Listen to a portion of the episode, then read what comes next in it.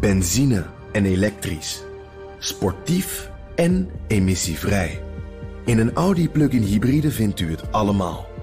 Ervaar de A6, Q5, Q7 en Q8 standaard met quattro vierwielaandrijving. Wat u ook zoekt, u vindt het in een Audi. Audi. Voorsprong door techniek.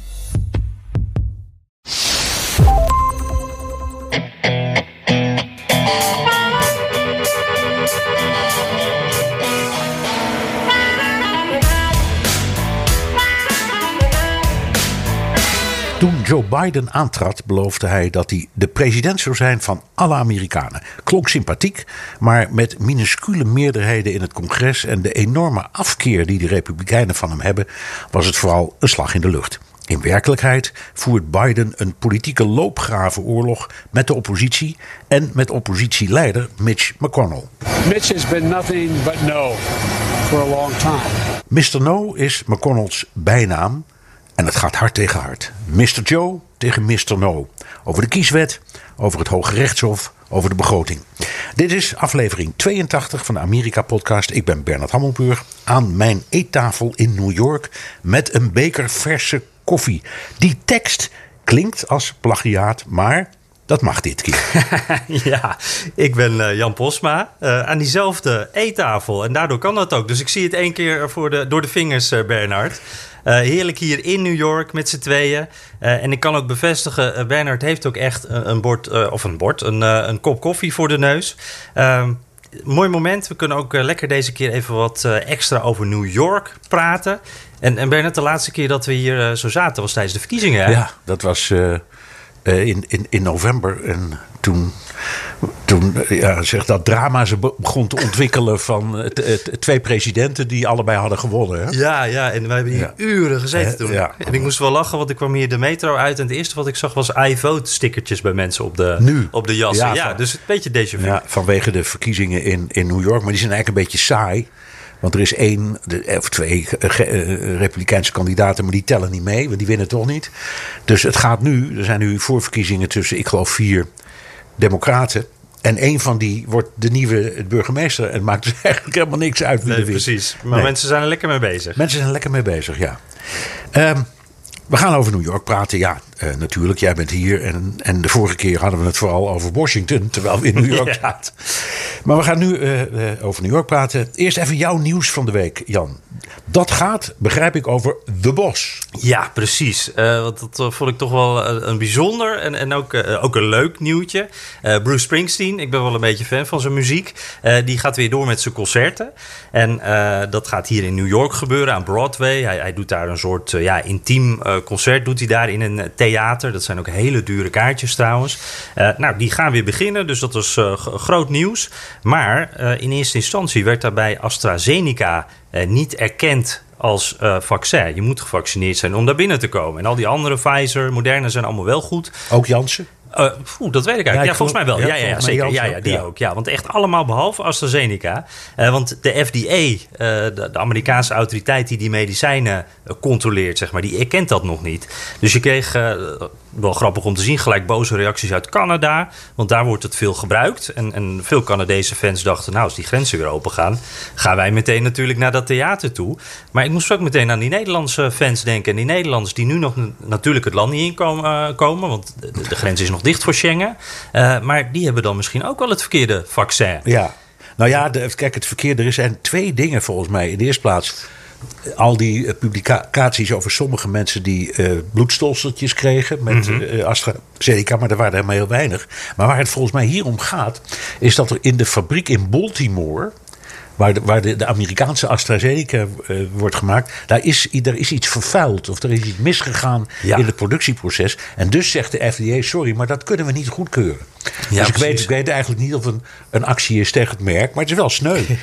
ja, nou en er was gelukkig ook, maar die, die consternatie was, maar daarna kwam ook goed nieuws, want toen zei het theater van, nou ja, weet je wat, we gaan gewoon de Wereldgezondheidsorganisatie aanhouden. Die vindt AstraZeneca wel goed, dus dan mogen jullie straks ook gewoon naar binnen.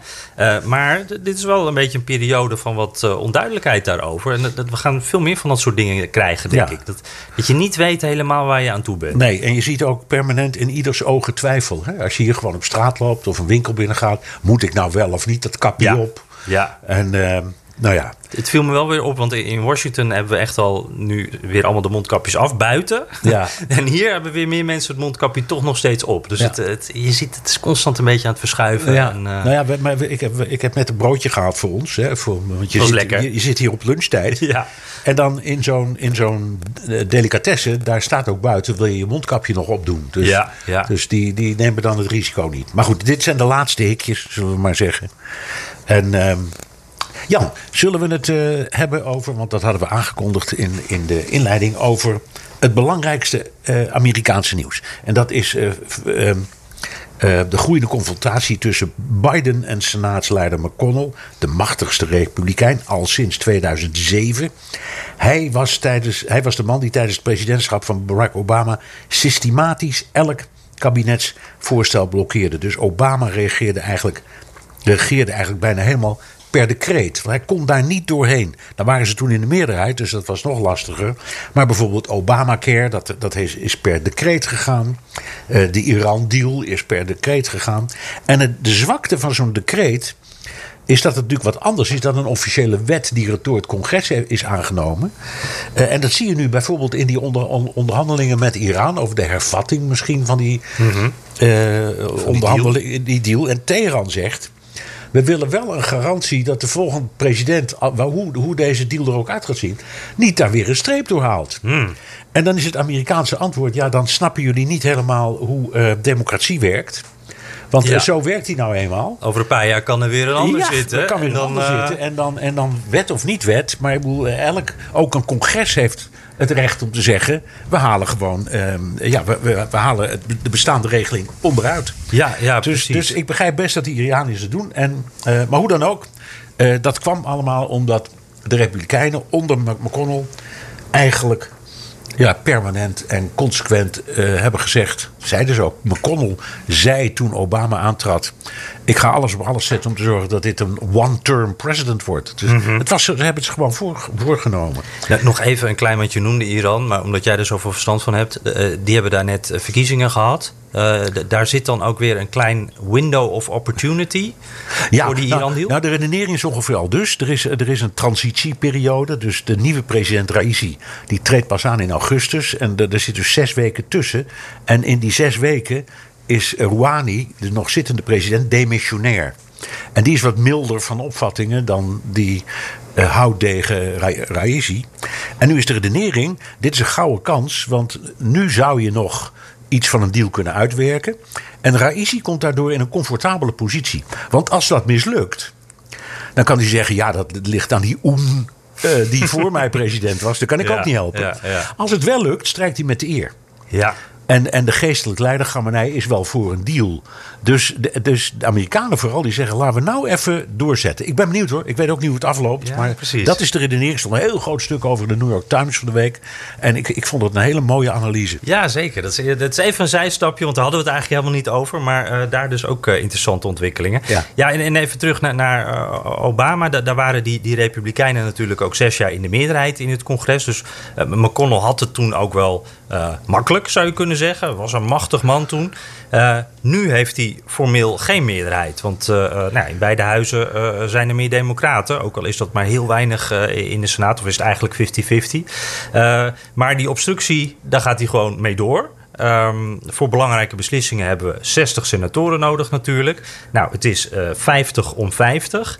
Uh, als je er niet 60 hebt, dan kun je de boel blokkeren met, met dreiging van de filibuster. Um, en nou, dat is eigenlijk precies wat er nu gebeurt. Want democraten hebben toch altijd hulp nodig van een paar republikeinen, van 10 republikeinen, om die belangrijke beslissingen erdoor te krijgen. En die krijgen ze dus gewoon niet. En als je dan kijkt, gelijke betaling voor mannen en vrouwen is al geblokkeerd. die onderzoekscommissie voor 6 januari, de bestorming van het kapitaal, ook geblokkeerd. Kapitool. Sorry, ja, wat zei ik? Ja. De bestorming, bestorming van het kapitaal, dat doen wij samen. Net, komt nog. Ja, ja. Te veel Marx gelezen, denk ik. Um, maar uh, ja, dus, dus dat is geblokkeerd. En, en ja, nu hebben we dus die loopgravenoorlog die eigenlijk nu bezig is terwijl wij aan het opnemen zijn. Wij plannen altijd als belangrijke dingen gebeuren, dan, dan nemen we altijd op dat moment de podcast op. Ja. S1 heet dat, een hele grote wet die, die het kiesstelsel moet reorganiseren van de Democraten. waardoor er meer regels uit, van, vanuit Washington zouden komen. Minder bewegingsvrijheid van de staten. Dus eigenlijk is dit het antwoord op, op al die staten die nu op verschillende plekken.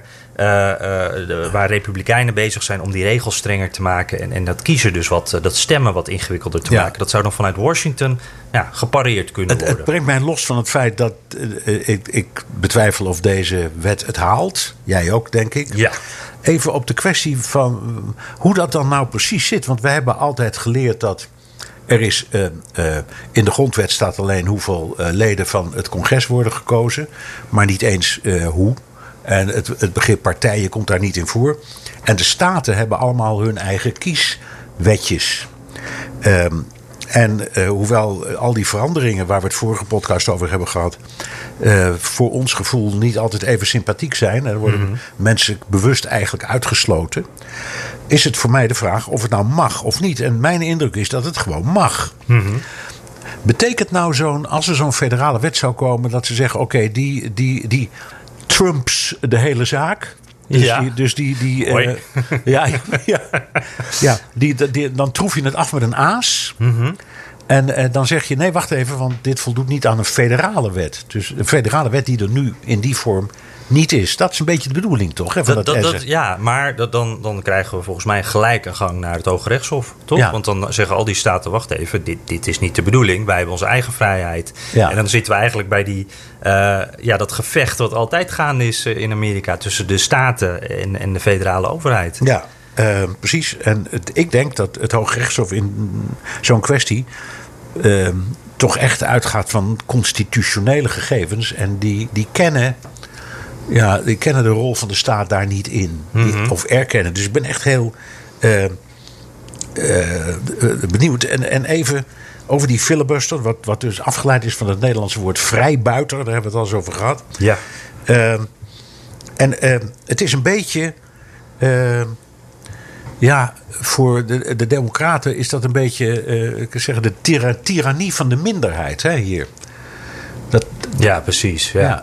Ja, die, die, die zien nu van, wacht even, wij hebben de meerderheid in het Huis van Afgevaardigden. Ja. We hebben de meerderheid in, in de Senaat, want nou ja, het zijn al 50 zetels. Plus één. Maar ja, plus één inderdaad voor de vicepresident die, die de beslissende stem mag geven. En toch lopen we nu door die filibusterregel de hele tijd tegen de oppositie, tegen die republikeinen aan. Ja. En die samenwerking die is er niet. Dus het is inderdaad de tirannie van de minderheid, want die republikeinen bepalen dus toch de agenda. En vooral wat er niet op de agenda nee, komt. Terwijl een heleboel mensen die verstand hebben van... Uh, hoe, wat een democratie is, dat ook weer zullen toejuichen. Want um, in Nederland speelt die vraag ook mm -hmm. vaak. Um, en de, de, de, Nederlandse opvatting is: je moet wel degelijk rekening houden met de opvatting van de minderheid. Ook als Mhm. je de meerderheid hebt. Anders functioneert je democratie niet meer helemaal goed. Ja. Het is het bekende verhaal van zes mensen liggen op een. Uh, op een ziekenzaaltje in een ziekenhuis. En de radio staat aan. En één wil dat de radio uitgaat. Wat moet je dan doen? En het antwoord is meestal: dan moet je de radio uitdoen. Want er is één persoon die er last van heeft. Dat is typisch voorbeeld van rekening houden met de minderheid. Ja, Ja. Maar, ik, nee, maar, Maar hier heb je daar dus een filibuster voor nodig. Ja. Ja. Ik, ik moet zeggen, ik ben benieuwd wat jij ervan vindt. Want ik ben een beetje gedraaid. Een paar afleveringen geleden dacht ik van ja, eh, de waarschuwing hierbij is altijd van. Want nou, die democraten die staan nu onder druk om die filibusterregel af te schaffen. En daarbij wordt dan gezegd van ja, maar als je die afschaft, dan krijg je hem straks zelf ook weer terug. Als je niet meer. Precies. eh, als je zelf in de oppositie zit. En daar ben ik het wel mee eens. Ik denk, daar moet je heel erg mee oppassen natuurlijk. Maar inmiddels denk ik toch ook wel van als je eh, eigenlijk, je hebt het huis. Je hebt het, huis van af, eh, je hebt het Witte Huis, je hebt het Huis van Afgevaardigden, je hebt de, de Senaat. En nog kun je je plannen er niet doorkrijgen. Dan gaat er ook iets niet goed, toch? Nee. Dus ik, ik ben wel een beetje gedraaid eigenlijk. Hoe, hoe zie je Nou ja, ik, ik, ik ben ook voor absolute meerderheden. Ehm, en een filibuster is een gek ding. Eh, maar omdat dit zo'n gepolariseerd land is, liggen de gevoelens daarover anders. Daarom bestaat die filibuster ook. Dus het is een soort kussen om te zorgen dat niet die partij die net één stem meer heeft, altijd gelijk krijgt. Want dat is ook niet meer helemaal democratisch.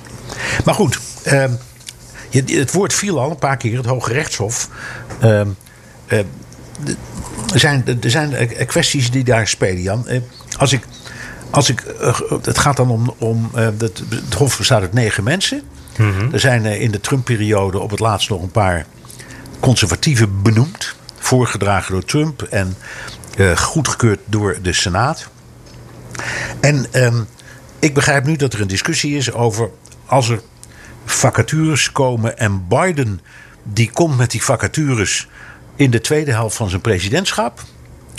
Dan zegt McConnell op de voorhand al, dat gaan we dan blokkeren.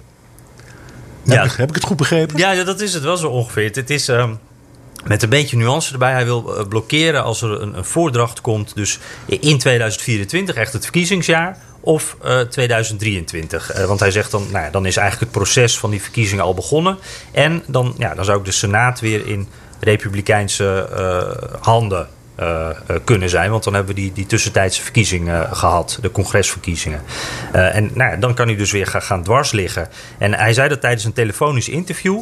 En toen werd hem dus ja, letterlijk gevraagd: zou je meehelpen aan het benoemen van een, een, een, lid wat Biden voordaagt voor het Hoogrechtshof? No, I think it's highly unlikely. In fact, no, I don't think uh, either party, if it controlled if it were different from the president, would confirm a Supreme Court nominee in the middle of, an election. That uh, what was different in 2020 was we were of the same party as the Correct. president. Nou, en je snapt met de voorgeschiedenis, waar we het ook al eerder over hebben gehad, hè, met, met uh, die, die, rechters die, die erdoor, uh, nou, die Obama, de rechter die Obama niet mocht benoemen, uh, Garland, die, die nu minister dan is geworden, en met McConnell, die later dus voor Trump wel zorgde dat er in een verkiezingsjaar nog een rechter doorheen kwam. die Democraten staan op hun achterste benen ja, door. Ja, dat snap ik. En dat is ook zo, want die, die kwestie van Obama, die, um, toen, um, toen was Ruth Bader uh, Ginsburg overleden. Dus een progressief lid van uh, het Hof. Nee, dit was uh, Ruth Bader Ginsburg was voor. Oh nee, dat was, dat nee, dat was daarna. Ja. Uh, um, dit was, uh, hoe heet die man ook weer? Scal Scalia? Scalia. Ah, een van haar, volgens mij waren zij beste vrienden, toch? Ja, precies. Scalia, Scalia, was overleden en Trump wilde dus een, uh, iemand benoemen. En toen zeiden de Republikeinen: nee, dat kan niet in een verkiezingsjaar. Obama, ja. ja. Ja? Obama wilde vervangen en, en, en um, de Republikeinen zeiden: dat is in een verkiezingsjaar doen we dat niet. Ja, en toen waren de democraten enorm... zo boos. En dat ja. is volgens mij echt... Maar ik heb nooit precies begrepen wat nu de argumentatie is. Want uh, je kunt zeggen, als er een rechter ontbreekt... dan moet er gewoon een nieuwe worden benoemd. Ongeacht wie er nou aan het roer zit. En dan moet je aanvaarden dat hij misschien wel eens van andere smaak is... dan je zelf zou willen. Ja, en daarbij was die, die, die uh, dus Garland... wat, wat was nou het spel dat hier is gespeeld? Ja, die, die Garland, dat was toen niet eens echt heel erg... dat was niet een super progressieve rechter of zo. Nee. Dus dat, daar was ook, had Obama wel rekening gehouden met republikeinen. Maar ja, die, McConnell, we hebben het er al vaak over gehad... dat is een man die kijkt naar, naar de macht. En dat is een opportunist. En uh, hij zegt uh, bij die uh, voordracht van Obama... ja, wij hadden als oppositie de meerderheid... Dus dat, dat geeft ons dan de mogelijkheid, als, als de Senaat die dat dan moet bevestigen eigenlijk, als die van een andere partij is dan de president, dan mogen we dat ervoor gaan liggen. Want dat is uh, uh, niet logisch. En, uh, maar als hij dus van dezelfde partij is? Ja, dan mag het wel. Trump en een, en een Republikeinse meerderheid in de Senaat, dan mag het wel. En dat was dus de laatste keer zo. En daarvan zegt hij van, nou ja, zie je wel, wij, wij zijn gewoon dezelfde partij. Natuurlijk, dan kan het wel. Ja. en dat is iets, dat, ja, dit is een, een McConnell-regel. Dit, dit heeft hij gewoon verzonnen. Uh, of geïntroduceerd, is ja. hoe je het zegt. Of uh, wat je ervan vindt en aan welke kant je staat. Maar dit, dit staat nergens. Dit is gewoon iets wat McConnell heeft verzonnen. En wat nu ja, een precedent is. Voor, voor zolang het McConnell uitkomt, denk ja, ik. Ja. um, het hele verhaal gaat onderuit als de Nestor in het Hof met pensioen gaat. Ja, uh, Stephen Breyer, hè, die is uh, 82, uh, benoemd onder Bill Clinton. En zit wat aan de, aan de progressieve, de linkervleugelkant van het Hof. Voor, zover dat daar nog iets van, daar is nog een klein beetje iets van over, zouden we kunnen zeggen. en ja, als die snel aftreedt natuurlijk, dan kan Biden een nieuwe rechten naar zijn smaak eigenlijk voordragen. Dus lekker ook een links iemand, precies wat Biden wil. En uh, dan heeft McConnell daar niet zoveel tegen in te brengen op dit moment. Want uh, ja, de Democraten hebben die meerderheid in de Senaat. Of nou ja, goed, met die beslissende stem kunnen ze dat dus doen. Ja. Uh, maar het is, ik vind het wel een interessante uh, dynamiek die nu ontstaat eigenlijk. Want uh, je noemde net RBG al, hè, die bleef zitten. Ruth Bader Ginsburg. daarvan werd ook al gezegd van nou en, had hij niet... En, die, en die, die, die, die, was een ernstige kankerpatiënt. Dus ja, die, die, ook al heel lang. Die, die ging eerst aan de chemo en dan ging ze weer naar het hof. En dan ging ze weer aan de chemo en dan weer aan het hof. Daar kwam het op neer. Ja, dat was en, en ze zei, ja. ik hou vol tot het gaatje. Dat heeft ze ook gedaan. Ja, precies. En daar, maar toen ze overleed en toen waren democraten natuurlijk ja, die, die, die waren geschokt daardoor. Dat was een, een linkse held, die RBG. Maar die, die schrokken ook wel, want die dachten van wacht even, doordat zij is blijven zitten, doordat zij niet met pensioen is gegaan uh, tijdens Obama's presidentschap, heeft dit kunnen gebeuren. En die Breyer die krijgt dat eigenlijk nu op zijn bordje van wees geen RBG. Uh, nu het nog kan, moet je eigenlijk met pensioen. Maar die Breyer die zegt ja, ik ben een rechter, ik ben onafhankelijk. En voor het leven benoemd. Precies, dus ik ja. mag gewoon blijven zitten. Ja. Het is aan mij en ik ben niet politiek. Ik ben apolitiek. Dus kijk maar naar mijn werk. Dus ik ga me hier niks van aantrekken. Nee, nou, daar heeft het mag hij. Het is. Uh... Maar het is een raar schaakspel over dat Hoge Rechtshof. En um, hij heeft, hij heeft, ze hebben ook nog even de tijd. Um, en hij, ja, en 82 is naar de maatstaven van dat hof ook helemaal niet oud. Nee, hij kan nog president worden. Hij kan nog president, zo, zo is dat. Um, nou, er is dus nu een meerderheid van conservatieve rechters, noemen wij het altijd maar gemakshalve. Misschien zou je eigenlijk raadsheren moeten zeggen voor een hof, maar oké. Okay. Um, maar dat wil niet zeggen dat ze altijd aan de Republikeinse kant staan, toch? Nee, dat hebben we natuurlijk uh, nu ook weer gezien uh, afgelopen week. Met de, de, derde poging alweer om Obamacare onderuit te halen. zeven van de negen rechters hielden dat tegen. En uh, eigenlijk is het al die jaren, het is zo vaak geprobeerd, we hebben het er zo vaak over gehad, maar dat Hoge Rechtshof uh, heeft nooit een strobreedte in de weg gelegd eigenlijk voor dat Obamacare. Dus het is er nog steeds. En zelfs nu dat Hoge Rechtshof 6 tegen 3 republikeins is, met, met drie Trump, Trump, nou ja, Trump-rechters, vinden ze niet leuk als je dat zegt, maar door Trump benoemde rechters erin, toch weer ja, niet gelukt. En 7 tegen 2 hè, was deze. Ja, precies, ook dat nog. Ja, ja. Dus uh, er, Ja, heeft ja, een- er heeft dus minstens een van zijn eh, vriendjes meegestemd. Met midden. En ook de voorzitter, John Roberts, ook die ook conservatief is. Ja, Eh, heel heel eh, opmerkelijk. En ik zit ook te denken, waarom duurt die discussie over Obamacare maar voort? Want, want de Republikeinen zijn echt mordicus tegen die wet. Die vinden het verschrikkelijk. Ja. Ik, ik, Ehm, ik vind en- dat zelf ook zo- raar, want ik kan me, dat kan jij ook vast nog herinneren. We hadden, wanneer was, dat ook weer? De, de, de congresverkiezingen eh, van, ik ben even het jaar kwijt. Tijdens Obama was het volgens mij. Obamacare zou weer afgeschaft worden. Ja, Was het, nou ja, goed, ik weet het jaar niet meer. Maar in ieder geval, toen gingen al die congresleden terug naar hun districten. Die kregen daar hele boze kiezers tegenover zich. Republikeinse kiezers. Die allemaal zeiden, wij willen dit niet kwijt. Wij hebben dit nodig. Ja. En, toch blijven ze, zonder dat er een alternatief eh, geboden wordt... blijven ze doorgaan met het afbreken van het Obamacare. Ja, nou ja, maar er zit natuurlijk ook die, die component in. Dat er zitten verplichtingen in. Staten die, zich, die meedoen, die, die verplichten zich om ervoor te zorgen dat alle burgers ook zijn verzekerd. Eh, die moeten ook garanderen dat men- mensen met een bestaand gebrek worden opgenomen in Obamacare. En de tegenstanders roepen, ja, dat is wat ze dan noemen socialized medicine. Dan gaan we Canada of, of het Verenigd Koninkrijk achterna. Dat, kan toch niet? Nee, dat kan nog niet waar wezen. Want het is, het is, dit, dit is in privéhandel, moet zo blijven. Ehm, maar goed, eh, ehm, eh, ja, Steve, dus Obamacare blijft overeind.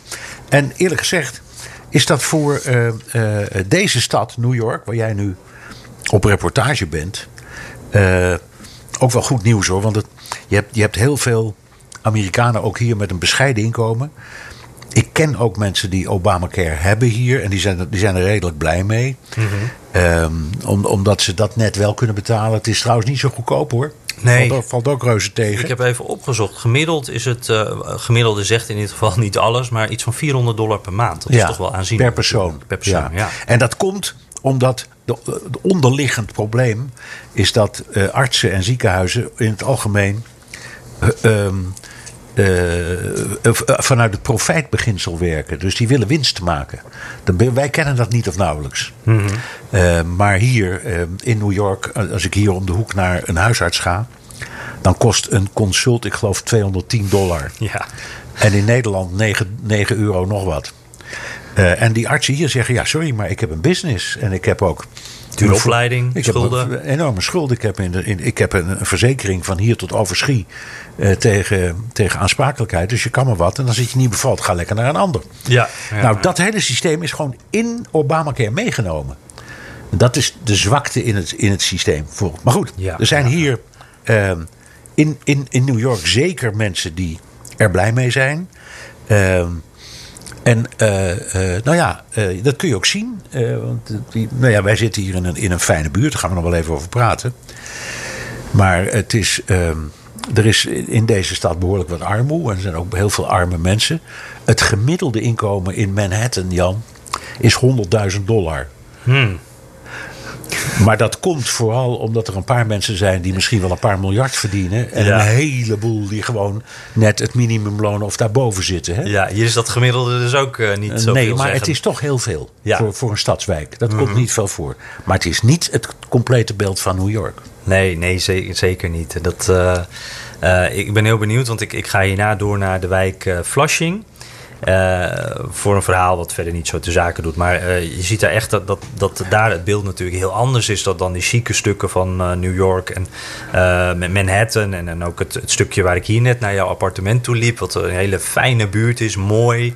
Met, met van die mooie, ook, ook oude New Yorkse gebouwen. Waardoor je echt wel een beetje dat chique, een beetje dat romantische New York gevoel krijgt. Echt heel mooi. maar ja, in dat Flushing, daar, daar, is dat ook wel weer heel anders. bekend als de wijk die vernoemd is naar, naar Vlissingen. Hè? Dus dat uh, ook een beetje van ons op dat punt. En ik moet dan altijd meteen aan, aan Flushing Meadows denken van de US Open. Eh, het stadion van de Mets, dat is daar ook. Uh, het vliegveld uh, LaGuardia natuurlijk. Uh, maar daar wonen natuurlijk ook allerlei mensen die het gewoon veel minder breed hebben dan bijvoorbeeld hier op Manhattan. Ja. en en ik, een van de dingen die ik nu al geleerd heb, zonder dat ik er nu heen ga, is dat ik wist dat helemaal niet. Maar dat daar echt een van de grootste Aziatische gemeenschappen van New York en volgens mij van de wereld zelfs is. Klopt. ik denk altijd aan Chinatown hier op Manhattan, maar daar zitten er dus veel meer. Veel meer. Ja, ja, en dat is wel, vind ik altijd wel heel bijzonder. Dat, dat, dat, ja. zo zijn er allemaal van die etnische buurtjes daar. Ja, en vooral, dat is zo. Je, je kunt eigenlijk zeggen dat het voor elke van de vijf wijken een beetje geldt. Uh, Flushing is onderdeel van Queens. Ehm, en uh, Queens heeft hele uh, rijke, mooie buurten, maar ook heel veel hele arme buurten. En heel veel van die etnische wijken. Dus je hebt een, een wijk, daar wonen alleen maar Pakistani. En een wijk, daar wonen alleen maar Indiërs. En het is heel grappig, want als je daar binnenkomt, dan denk je: ik ben gewoon in het buitenland. Ja. En de, daar wordt ook hun eigen taal spreken ze daar. En uh, uh, ze kijken je ook een beetje wonderlijk aan: van wat kom jij hier nou doen? um, ik zat vandaag even te kijken en ik, ik wist dit niet, maar Queens is in 2019 tot de, wat was de meest diverse wijk ter wereld uitgeroepen. Omdat er de meeste nationaliteiten zitten. Ik had geen idee, maar er zitten daar inderdaad de hele wereld zit daar. 2,3 miljoen mensen. Ja, dus, uh, veel, meer dan in, veel meer, meer dan in Manhattan, want daar zitten ook 1,8 miljoen overdag. Dus dit lijkt wel heel groot, maar het is veel minder groot dan, dan we vaak denken. En Queens is een stuk groter. En om nog maar niet te spreken van Brooklyn. Hmm. Want dat is nog veel groter. En daar heb je ook een enorme verscheidenheid. Dat is overigens wel, zoals dat heet, aan het gentrificeren. Mhm. Dus dat wordt heel populair onder uh, de hippe mensen die, uh, die misschien uit Manhattan komen of andere plekken. En, goede banen. Goede banen. En die, er is ook goed vervoer. Uh, want als je hier bijna voor de deur op de, op de metro stapt, dan kun je in, in, in, in Brooklyn op alle, ongeveer op elke plek uitstappen. Dus het, het, het, uitstekend vervoer. En daar heb je dan die enorme grote Joodse wijken. Dus Williamsburg, uh, Crown Heights. Dat zijn typisch van uh, die wijken waar, allemaal, waar je allemaal van die uh, vrouwen met pruiken ziet rondlopen. En mannen, ja. mannen helemaal in het zwart. Met van die mooie hoeden. Ja, ja. Ehm, die hebben daar hun he hele eigen leven. En daar woont, woont ook in Crown Heights woont ook weer een hele grote zwarte gemeenschap. En er zijn ook wel rellen geweest tussen de zwarte en de Joodse gemeenschap. Gaat niet altijd even vriendelijk af hoor, moet ik zeggen. Er zijn spanningen.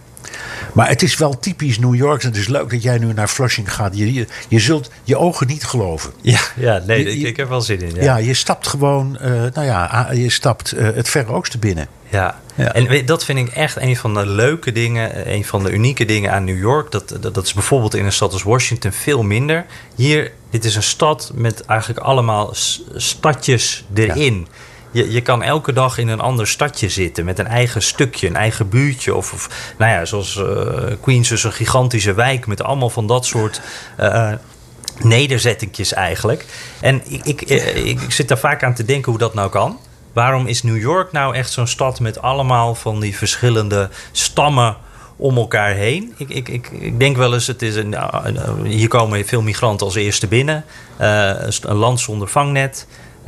je zoekt de familie op of, of landgenoten die hier al zitten. Want dat is het enige dat je hebt. Misschien dat dat het is, maar... Wat dat is niet misschien, dat is het zeker. Dat is het? Ja. Ehm, en ehm, ja, of je nou kijkt bijvoorbeeld Staten Island. Mhm. Dat is de kleinste van de vijf uh, wijken. Dat, dat, is, dat is eigenlijk helemaal Italiaans-Amerikaans. En uh, helemaal republikeins. Dus een heel ander volk dan bijvoorbeeld hier in de Upper West Side. Um, echt een Trump country, toch? Echt Trump, Trump country, zeker, zeker, zeker. En uh, allemaal niet zo onaangenaam en fanatiek hoor, moet ik zeggen. Je, het, is, het is grappig om daar rond te lopen en de mensen te interviewen. Want ze zijn wel overtuigd. Maar het zijn niet van die, van die diehards, zal ik maar zeggen. Um, ja, en dat, dat, dat heb je eigenlijk, je hebt gelijk. Het is. Los Angeles heeft dat ook een beetje, maar New York nog veel meer. Het is een verzameling van dorpen. Ja, ja, waardoor het ook op al die plekken niet voelt alsof je uh, nou ja, verdwaald bent, zeg maar. Het zijn allemaal overzichtelijke uh, plekjes. Heerlijk. Ja. Het, uh, ja, het, het, als we kijken naar Manhattan, Bernard. We zitten nu aan, aan de Upper West Side. Ja. Uh, welvarende buurt. Het is ook echt. Uh, het, nou, we hebben het er al vaker over gehad, maar ik vond het leuk om weer even zelf te zien. Het bruist weer een beetje. Hè? Het gaat weer echt de goede kant op. Ja, het is hier weer gezellig aan het worden. Ja, precies. Hoe, eh, wat ik al zei, het, het zijn mooie oude gebouwen. Een, een, een, grote laan hier, echt een brede weg waar, waar echt van die mooie ouderwetse metrostations boven komen. Ja, dat is Broadway. Ja, het, noordelijke gedeelte van Broadway. En de voorkant van dit flatgebouw ligt langs West End Avenue. dus we kijken uit op de Hudsonrivier en op New Jersey. En aan de zuidkant, die je daar door het raam kunt zien, kijk je uit helemaal tot uh, het, het, nieuwe World Trade Center, zal ik maar zeggen. De, ik, ik zie de watertorens uh, ervoor. Het ja, ja, ja, ja, ja, maar, ja, ja, maar die, dit, ja. Nou, die Upper West Side, dat is, in, ja, dat is nu zo. En het, het, het, het was, het is niet altijd zo geweest toen wij hier kwamen dat is alweer tientallen jaren geleden. Toen was dit eigenlijk helemaal niet zo'n goede buurt. Het was uh, redelijk misdadig. Om een idee te geven, waar nu Lincoln Center staat, hè, het concertgebouw. En, uh, chique plek. is een hele mooie chique plek bij Columbus Circle, vlak daarbij. Uh, daar was vroeger een wijk en daar heeft zich de West Side Story afgespeeld. Dus dat was een hele rauwe Puerto Ricaanse wijk met gangs. Ehm, we zitten dus hier aan de, waar jij de kant waardoor jij binnen bent gekomen langs Broadway. Eén laan verder is Amsterdam Avenue. Mhm. En nog een boulevard verder is Columbus Avenue. Toen wij hier kwamen wonen, kon je daar niet komen. Dat, Welke tijd hebben we het nu over? Nou, dan hebben we het uh, eind van de jaren 70, begin van de jaren 80. Maar dat is nog heel lang zo gebleven hoor. En, en wat was er dan zo gevaarlijk? Het was levensgevaarlijk, joh. maar waren dit ook bendes, Bende, drugs? Bendes, drugs, alles. Mhm. Ja. Um, en, uh, dat, en dus dat, die, die Upper West Side dat, die had helemaal geen goede naam. En daarna is het een, een verzamelplaats geworden voor uh, artiesten, journalisten, uh, mensen uit uh, academia.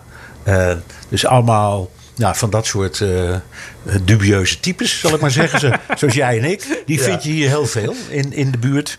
En om, om je een, een, voorbeeld te geven van wat, wat David me ooit vertelde. Die sprak hier ergens op straat met een mevrouw. En die kwam in gesprek over een of andere politieke kwestie. En die zei: Heb je de column van William Sapphire gelezen? Dat was destijds de conservatieve commentator van de New York Times. Een geweldige commentator. En toen zei die vrouw: Young man. We are in the Upper West Side. We don't do William Sapphire. ja. En dat is een beetje tekenend voor deze buurt. Dus je moet hier echt met een, met een loop naar buiten om een republikein te vinden. Maar we zitten dus, de, de scheidslijn tussen de Upper West Side en de Upper East Side is Central Park. Als je daar doorheen wandelt, dat is 10 minuten. Dan ben je aan de andere kant. Dan kom je aan de kant van Fifth Avenue eruit. Daar zijn al die mooie musea. En, en, en, en Madison Avenue met al die schitterende winkels. Dat is totaal anders. Um, en de Upper East Side heet dat. En dat is, ja, ik wil niemand beledigen, maar traditioneel toch een beetje. Uh, van de mannen met blazers met gouden knopen. En de vrouwen met plooirokken en parelkettingjes. En het is ook echt zo. En heel veel uh, kinderen in deftige schooluniformen.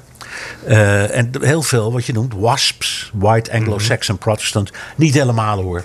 er zijn allerlei hele beroemde uh, mensen die daar ook wonen. En het, niets, niets is absoluut. Maar eigenlijk hebben wij hier in de Upper West Side nooit contact met mensen in de Upper East Side. ik, ik, ken er wel een paar, maar dat is echt iets van. Ik, ik heb het gevoel, we gaan vaak naar het museum. Aan de, daar, hè, naar de Metropolitan Museum of een van de andere musea. Uh, uh, en dan heb ik het idee, ik ga nu naar het buitenland. ja. Dat is echt een beetje zo. Nou, en dat heb je dan met al die wijken eigenlijk in, in, in New York. Want ten zuiden van ons is iets dat heet Midtown. Daar wonen eigenlijk nauwelijks mensen. Dat is voornamelijk een zakelijk gebied. Mm -hmm. Maar daartegenaan, daar ligt Hell's Kitchen. Dat was tot 15 jaar geleden ook iets waar je niet heen durfde. En waar je nu je het schompers betaalt voor een appartementje. Bijna, ja, nu bijna, kunnen we het niet meer betalen. Kunnen we het niet meer betalen. Nee. Um, nog wel een paar leuke voorbeelden. Soho. Dat is wat meer naar het zuiden. En dat is de wijk die ligt. Er loopt uh, uh, een, een, straat dwars door uh, Manhattan heen. En die noemen ze in, in, in New York Houston Street. Maar wij zouden zeggen Houston Street, mm -hmm. want zo spel je het. En tussen die straat en de 14e straat, daar begint de Greenwich Village. Als je naar beneden gaat. Daar zit een wijk die heet Soho. Dat betekent South of Houston. En toen wij hier kwamen wonen, zijn we daar wezen kijken, rondgereden in een auto met gesloten deuren. Met een vriend. En die zei: Je moet hier absoluut niet uitstappen, want er komt een mes in je rug. Um, en als je toevallig een paar centen hebt, adviseer ik je om hier een huis te kopen. nou, ik had de centen niet en ik kon het me niet voorstellen. Nee. Maar wat had die man gelijk? Want dat Ja. is nu helemaal hip. Daar zitten alle modeboutiques, kleine musea. Dus die dingen veranderen. Hetzelfde geldt voor de Bowery. Dat was Ja. de armste straat van New York. Daar lag iedereen ongeveer op straat eh, te bedelen. Ja, dat is nu ook helemaal hip en in. Eh, dus de Lower East Side. Harlem. Wat nu, eh, dat- dat- we zitten hier vlak bij Harlem. Hè? Dus, eh, dat, dat begint hierboven. ja, vorige, keer was, eh, vorige week was Ian Buurma hier als gast voor Ja, BNR De Wereld. Wereld. En die woont daar, die was komen lopen. Dat kan, Ja, ma- ja. dat kan makkelijk. Er wordt ondertussen wat gestofzuigd trouwens. Ja, Als je denkt, wat hoor ik nou Ja, dat is de stofzuiger in, eh, op de hal? op de hal. Daar kan, ik, daar kan ik heel weinig aan doen. Ik ben blij dat ze het doen. Hey, en wa- wat is nou het, het verschil steeds geweest? eh, want je noemt steeds allemaal buurten die, die heel slecht waren. En, en waar nu eigenlijk, wat nu een soort juppenparadijs is. En waarvan we zouden willen dat we er ooit iets eh, hadden Ja. gekocht. Wa- wanneer is dit nou? Is dit Giuliani die alles heeft opgeruimd eh, als burgemeester? Of is daar eerder al wat gebeurd? Eh, nou, Giuliani heeft inderdaad wel heel veel opgeruimd. Hè, want die kwam met een heel streng beleid. Three strikes and you're out. Dus ook als je drie keer was betrapt met, met ik weet het veel, een minimale hoeveelheid drugs voor persoonlijk gebruik, dan krijg je levenslang. Dus het was echt heel erg eh, rigide. En eerst keek de hele wereld daarna met wat een, wat een rare rechtse dictator. En vervolgens kwamen, ik heb het zelf meegemaakt, politiechefs uit de hele wereld, ook uit Nederland, kijken hoe die man het voor elkaar kreeg. En hij had een interessante redenering. Hij zegt: ik, Dit blijft natuurlijk niet. Op een bepaald moment gaan we dat best weer liberaliseren. Maar je moet op een bepaald moment mensen duidelijk maken dat als ze niet over een zebrapad oversteken, maar ergens midden op de weg, dat dat een misdrijf is. En daar moeten ze een bekeuring voor krijgen. En, voor, en als je het een paar keer doet, dan moet je gewoon de bak in. Het is niet anders. Het heeft enorm geholpen. Maar ik moet zeggen dat eh, onder zijn voorgangers en vooral onder Ed Koch, eh, die hier aantrad toen New York eh, technisch failliet was, is ook heel veel gedaan om het te verbeteren. Is Dat heel was veel, on the Fort volgens mij, toch? Die, Ja, die wilde on- toen New York niet redden. nee, nee, nee, omdat ze zeiden: ja, dat is ons probleem niet, dat moet je zelf maar doen. Ja. Ehm, en het is ook gelukt en het is nu eh, weer een redelijk welvarende eh, stad geworden. Ehm, en ja, de, de, de- je, hebt, je ziet dat overal in de wereld. Ehm, kijk, in Den Haag, in Amsterdam.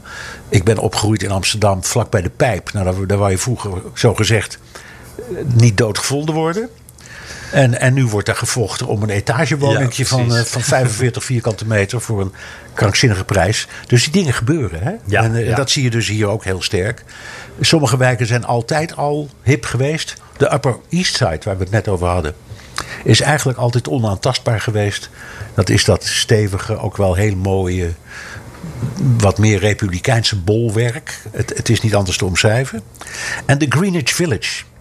eh, die zich echt onderscheidt van de rest van Manhattan, omdat daar geen hoogbouw is. En dat is altijd een wijk geweest, een beetje zo als, als het Quartier Latin in Parijs.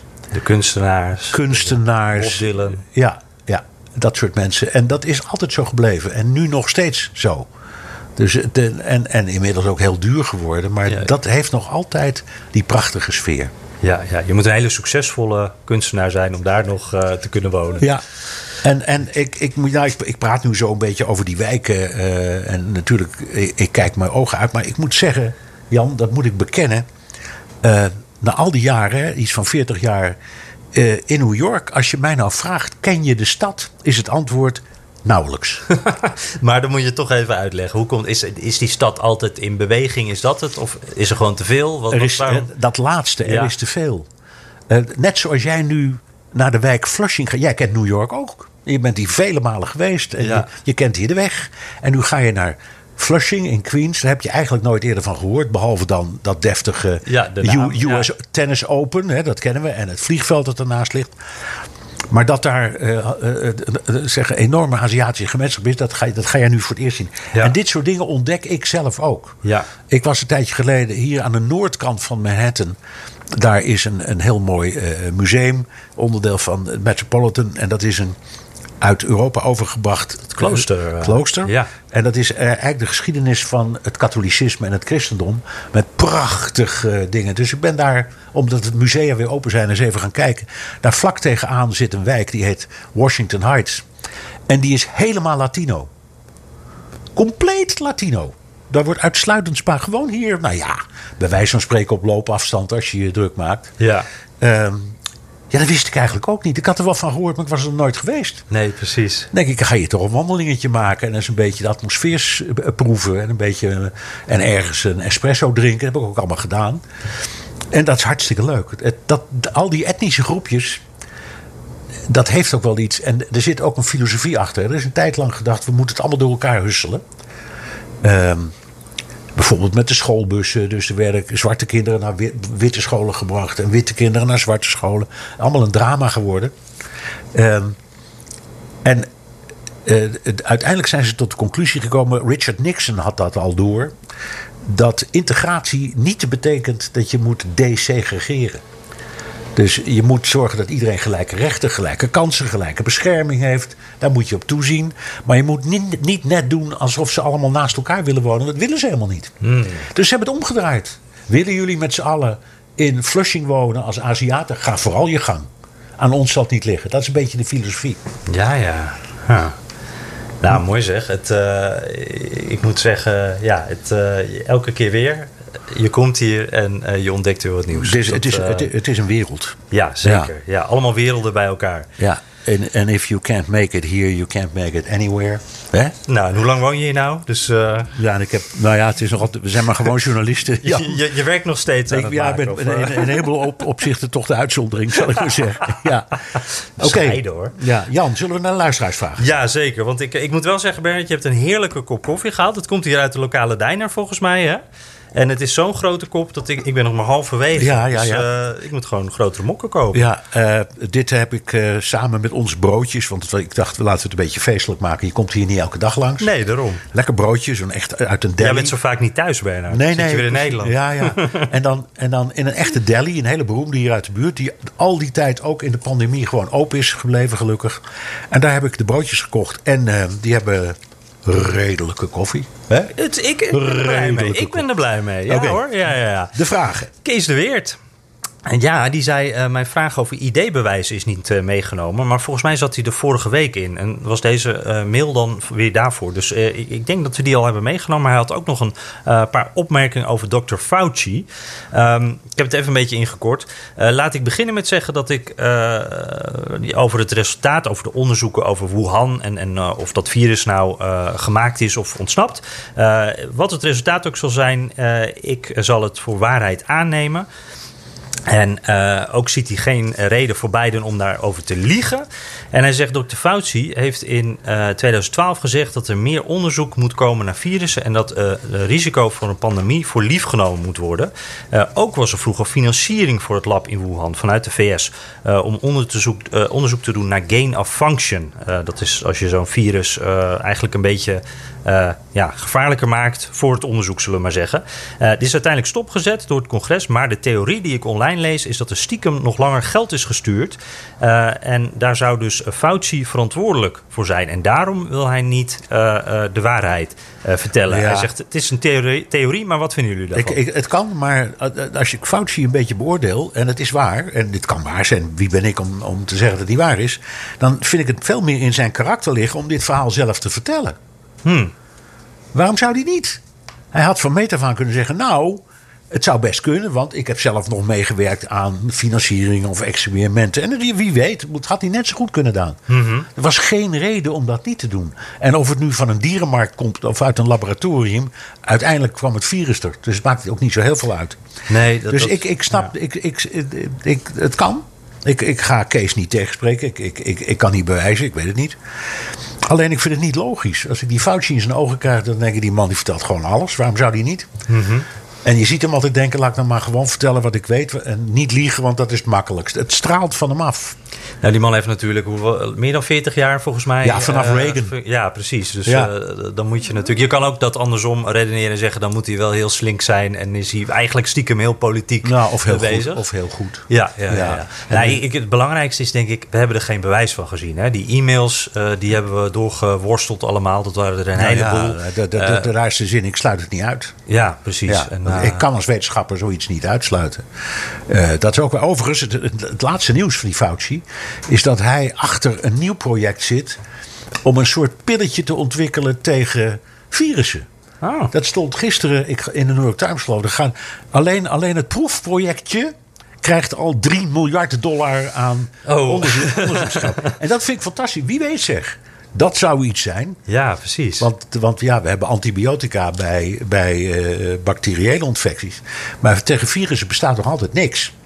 Nou, nou, nou. Als dat, een gedoe. Als dat toch eens kon. Ja, ja. absoluut. En wat kost zo'n pandemie? Hè? Dan kan je beter uh, zo'n pilletje. Ja, wat is dan voor 3 een paar miljard? Ja, ja. precies.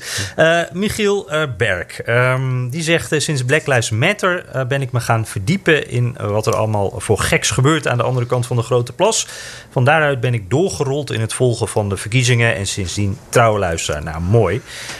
Voor corona was het nog in de auto. Tegenwoordig vaak tijdens het koken. Dan zegt hij... ik luister graag via de oordoppen naar, doppen naar jullie... in plaats van naar mijn afzuigkap. Nou, ja. dat vind ik er mooi. Dat we dat boven die afzuigkap Zo nog... is het. We winnen het van de afzuigkap. ja. En we winnen het van de stofzuiger hier op de gang. Ja.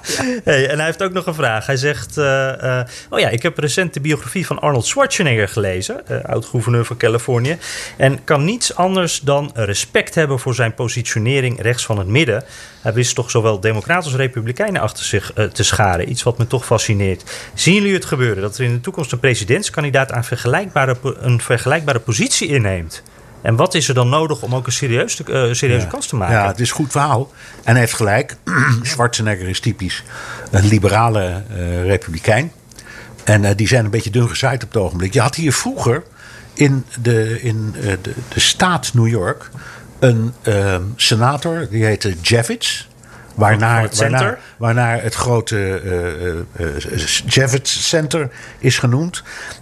En die man die was zo razend populair dat iedereen, democraten en republikeinen, uh, elke twee jaar op hem, of elke zes jaar uh, op hem stemde.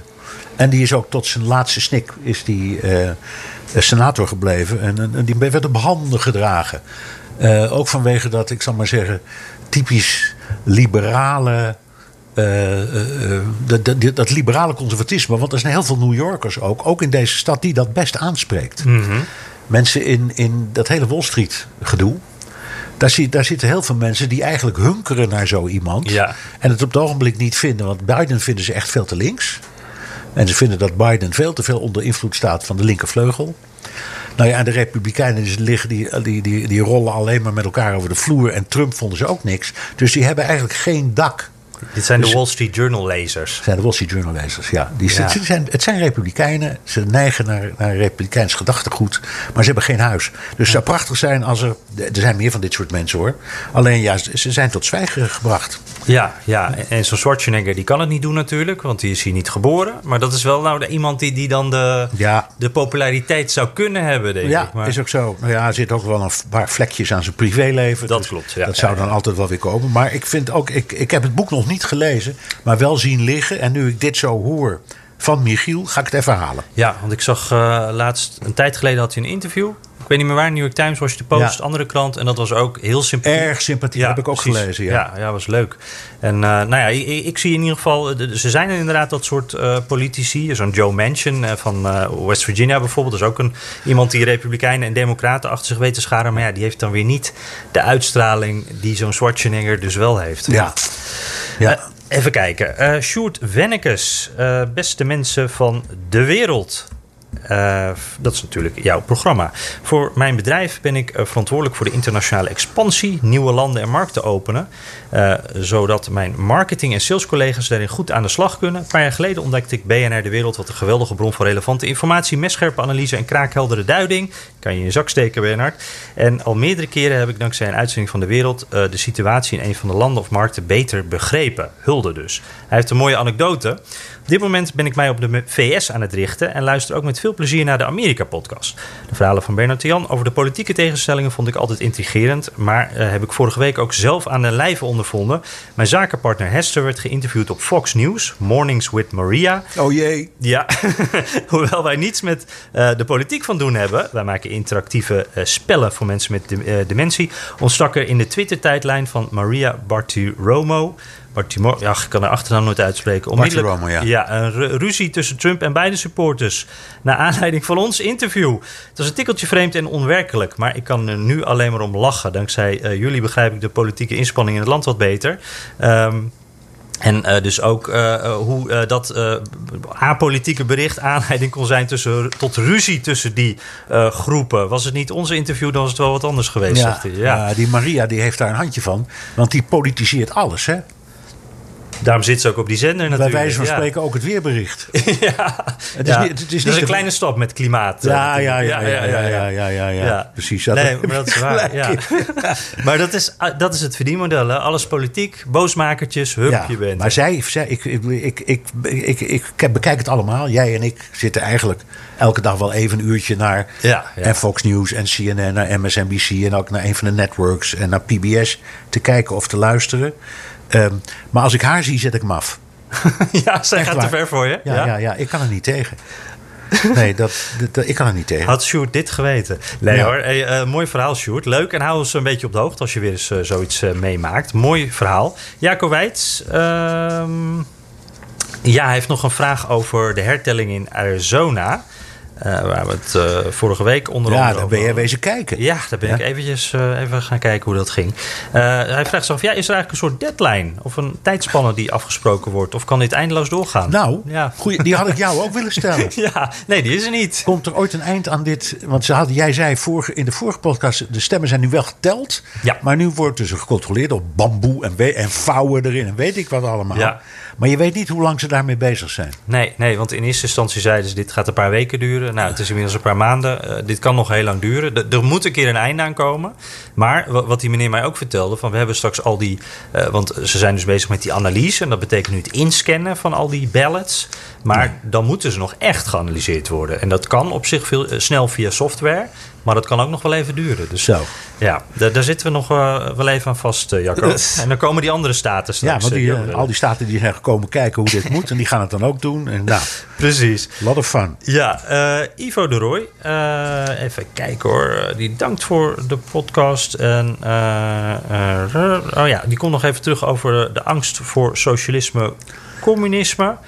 Um, oh ja, hij had een tip. Uh, eigenlijk helemaal geen vraag, maar een tip. Het boek The Righteous Mind: Why Good People Fight Over Politics and Religion.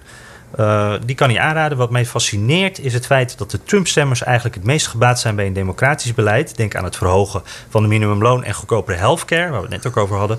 Twee elementen die mij zijn bijgebleven uit het boek. En dat gaat dus over conservatieve uh, ja. stemmers. Ja, nee, maar hij heeft wel een punt. Alleen, uh, dit, dit boek heet niet voor niets The Fight Over Politics and Religion. Uh, waar Trump op heeft ingezet was vooral de evangelische beweging. Uh, en de, de, de, de protestants-christelijke flank in dit land, die heel groot is. En dat is hem ook gelukt. Mm -hmm. uh, en nu ik het zo zie naast elkaar, politics en religion, denk ik plotseling wat wij niet hebben benoemd. Vorige keer is hoe ongelooflijk veel Amerikanen zichzelf religieus noemen. Mhm. Mm -hmm. Ik geloof dat dat is geloof ik iets van 3 of 84 procent Van alle Amerikanen noemt zichzelf religieus. Nou, dat is bijna nergens in de wereld zo hoog. En die religie die geeft ook sturing aan hun politieke emotie. Bijvoorbeeld zoals Trump daarop heeft ingespeeld. En, emotie is daar een belangrijk woord. Heel belangrijk, heel belangrijk woord. Hè? Ja, ja, dus, ja. Uh, dus, en daardoor krijg je dat, dat, daar hadden we het toen ook over, dat kwesties als, als uh, abortus en, en, en, en, zo, zo enorm fel worden uh, behandeld. Omdat ehm, het gaat niet alleen maar, dit gaat niet alleen maar over vrouwenrechten. Of wat de grondwet nu zou bedoelen als je daarover praat. Maar het gaat ook over religieuze overtuiging die hier een rol in speelt. En die worden dan bij elkaar geflanst. En daar was Trump heel goed in. Ja, precies. Heerlijk, heerlijk. En dan gaat ja. die emotie is dan belangrijker dan misschien ja. je portemonnee. Of, ja. uh, uh, die tip vind ik in ieder geval. Ik ook ken het boek niet. Nee. Jongen, jongen, jongen, jongen. Ja, Ik, ik gooi haal ik de even... tijd vandaan? ja, precies. Ik gooi er nog even What's the Matter with Kansas uh, overheen van Thomas Frank. Dat gaat ook over waarom conservatieven soms tegen hun eigen belang instemmen. Ook een mooi boek. John Huizer. Die had een hele lange mail. Um, die zegt: Ik ben al een tijd trouwe luisteraar. Uh, meestal uh, tijdens mijn wekelijkse wandelingen over de grachten van Amsterdam. Uh, maar hij zei: Ik was ook geschokt en verdrietig. En dat ging dan met name over de bijdrage van Bernard over al dan niet verplichte vaccinatie. Ik merk dat jullie in de uitzendingen erg voor vaccinatie zijn, wat jullie goed recht is.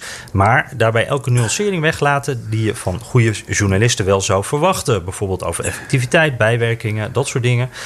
Ik snap dat jullie dat ook niet allemaal mee kunnen nemen elke keer. Maar wat jullie nu klaarmaken is simpelweg misleidend. Uh, zo wordt gesuggereerd dat de enorme afname van de coronagevallen op dit moment volledig zou zijn toe te schrijven aan de geweldige, en dat staat tussen aanhalingstekens, vaccinaties. Maar hij zegt ja, het seizoen speelt ook mee temperatuur. Vervolgens hoor ik Bernard verkondigen dat om die reden hij best wel voorstander is om iedereen verplicht te laten vaccineren. Ook maakt hij de vergelijking met polio. Meer misleidende misinformatie kun je niet verspreiden als journalist.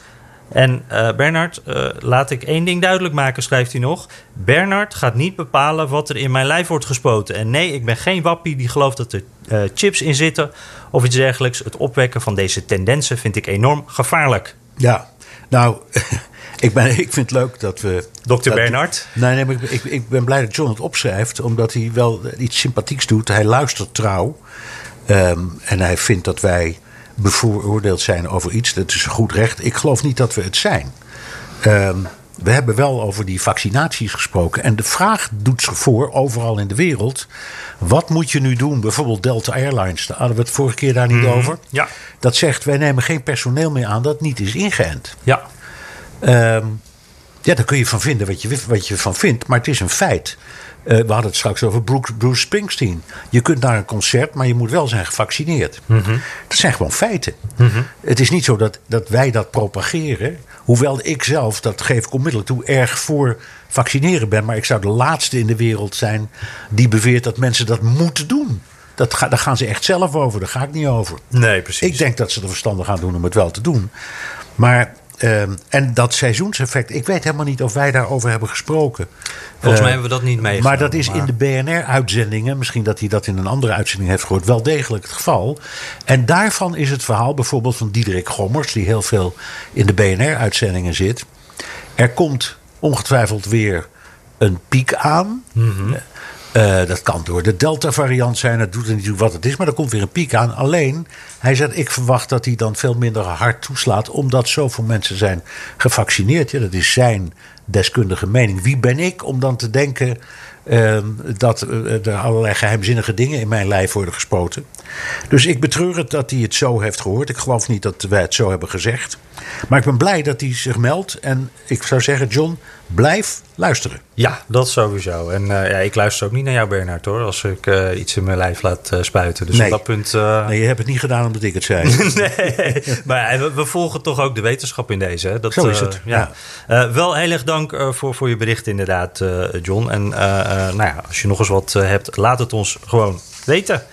Um, nou, kunnen we er nog eentje pakken? Ja, pak er nog één. Uh, dan, we, we, zitten al een uur en de koffie is nu echt op hoor. Ja, het ja. begint ook koud te worden. Ja, ja uh, de koffie dan. Peter van der Nabelen, uh, die luistert elke week met veel plezier, gelukkig.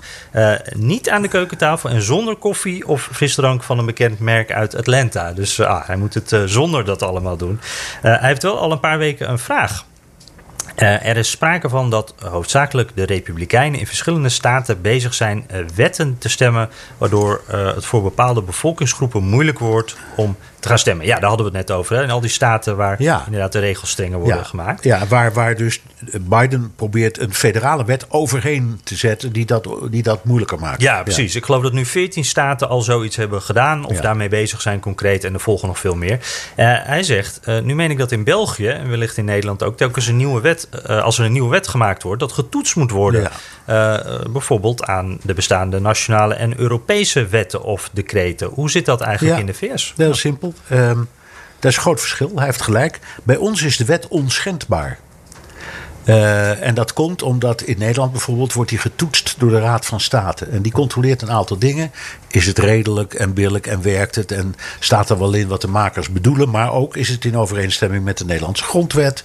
En dus, dat is een soort, dan krijg je een, een stempeltje. En als dat stempeltje er is, dan weet, weten de twee kamers dat ze die wet kunnen aannemen. En dan wordt die ook echt wet.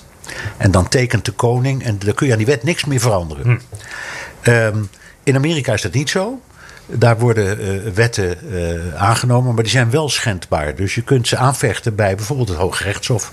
En zeggen: ja, daar staat wel um, dat ik. Uh, geen dubbelloopsgeweer mag gebruiken, maar alleen een enkelloopsgeweer. En daar ben ik het niet mee eens. En dan kun je ermee naar het Hoge Rechtshof. En die zegt, ja, je hebt gelijk. Hm. Want het tweede amendement laat zich niet uit over wat voor soort wapens. Ik noem maar wat. Ja. Dat, is een heel, dat komt heel vaak voor. En daarmee creëert het Hoge Rechtshof ook jurisprudentie. Dus soms is een uitspraak van het Hof krijgt de kracht van wet. Dat kennen wij niet. Uh, en dan heb je inderdaad in Nederland, in België, in elk Europees land ook nog de plicht van een kabinet en een raad van state om te toetsen of het wel in overeenstemming is met het Europese recht. Mm -hmm. Want anders heb je kans dat je voor het Europese Hof wordt gesleept en dan alsnog in de moeilijkheden komt. Maar de, de, de crux is de onschendbaarheid van de wet. Dat is een begrip dat zit in ons rechtssysteem en niet in het Amerikaanse. Nou, uh, dank uh, Peter. Want de, met deze vraag brengt hij ook heel mooi onze eerdere onderwerpen zo weer een beetje bij elkaar.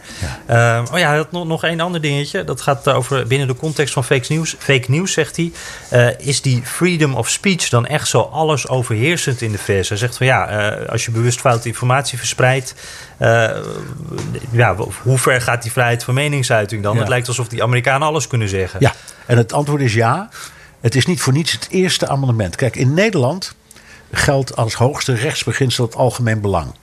En in Amerika geldt als, eerste, als belangrijkste rechtsbeginsel het, eerste amendement. Ik geef je een voorbeeld. Er is uh, jaren geleden iemand in Connecticut op een ladder geklommen in zijn eigen tuin. om opname te maken door het open raam van de buren die seks hadden. En vervolgens heeft hij aangifte gedaan wegens schending van de openbare Deze zaak heeft echt gespeeld. Ja. Ja? Um, want de wet zegt: alles wat je van buiten kunt zien, mag je filmen en is. Ja? Dus goed. De omgekeerde wereld, maar goed. De omgekeerde wereld, maar het is een hele interessante casus. En um, um, gelukkig heeft de rechter dat afgewezen. Uh, want hij zei: het is mijn, het is mijn uh, recht, mijn eerste amendement, om dit te doen. En dat, dat, dat, dat, troeft de rechten van die mensen om in vrijheid te mogen doen wat ze in hun eigen huis doen af. Ja. Dat is gelukkig toen afgewezen. Maar het principe was heel interessant. Ja. Want het zit wel zo. Ander voorbeeld. Als uh, jij uh, of ik uh, hier in deze flat horen dat eh, de buurman in elkaar wordt geslagen. En wij gaan daarna, we, we, we, dringen dat appartement binnen en we zetten ons mobieltje aan en we filmen het. En het komt voor de rechter dan zal degene die heeft gemapt, misschien de eigenaar van die flat. Die zal tegen de rechter zeggen: deze, deze postma die heeft zich wederrechtelijk toegang uh, tot mijn flat. Dus dat materiaal mag niet worden gebruikt. Mm. In Nederland zegt een rechter dan: dat kan zo wezen. Maar wat meneer Postma daar heeft gefilmd is zo belangrijk als ja. bewijs dat overtroeft de overtreding. En in Amerika nooit. Dus die man die kan daar bij wijze van spreken moord plegen. Jij kunt het filmen, maar dat materiaal wat jij hebt is niet, mag niet worden gebruikt in de recht, rechtbank. Dus ja, het eerste amendement is enorm sterk. Waanzinnige voorbeelden. Ja. Ja. Liever een goede buur dan een uh, verre vriend. Ja, zo is het. Zo is het. Uh, ik heb ook gevraagd net of toen jij binnenkwam of je je pistool even wou ja, vond ik heel flauw van je. Maar goed. Dat was hem. Ja, heb je nog recensies, Jan? Ja, nee. dat is heel jammer. We, hebben, we liepen echt de afgelopen weken steeds over van recensies. Wat natuurlijk echt heel erg leuk is. Maar deze keer hadden we er uh, geen eentje. In ieder geval niet via Apple Podcasts. Wel natuurlijk veel post. Maar uh, ik zou zeggen, uh, laat ze komen. Blijf ze sturen. Ja, Terugluisteren kan via de BNR-site, Apple Podcast of Spotify. Heb je vragen, opmerkingen, kritiek of complimenten? Dan kan dat ook met een tweet naar Jan Posma USA of BNR De Wereld of heel ouderwets met een mailtje naar dewereld.bnr.nl. Ja, en laat ons ook even weten uh, hoe je naar ons luistert, luistert, waar je naar ons luistert. Volgens mij was de verste deze keer Gent. Dus uh, dat is de meest exotische bestemming. En uh, ja, Bernard, volgende week jij weer in de Amsterdamse dependance. Ja, dus dan zitten we weer op afstand. Ik vrees van wel, Jan. Ja. Ook leuk hoor. Ja, het is niet anders. We gaan je missie. In ieder geval tot volgende week. Tot volgende week.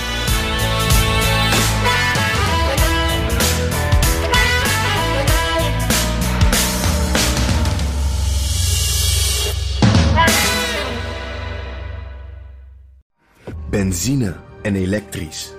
Sportief en emissievrij. In een Audi plug-in hybride vindt u het allemaal. Ervaar de A6, Q5, Q7 en Q8 standaard met quattro vierwielaandrijving. Wat u ook zoekt, u vindt het in een Audi. Audi. Voorsprong door techniek.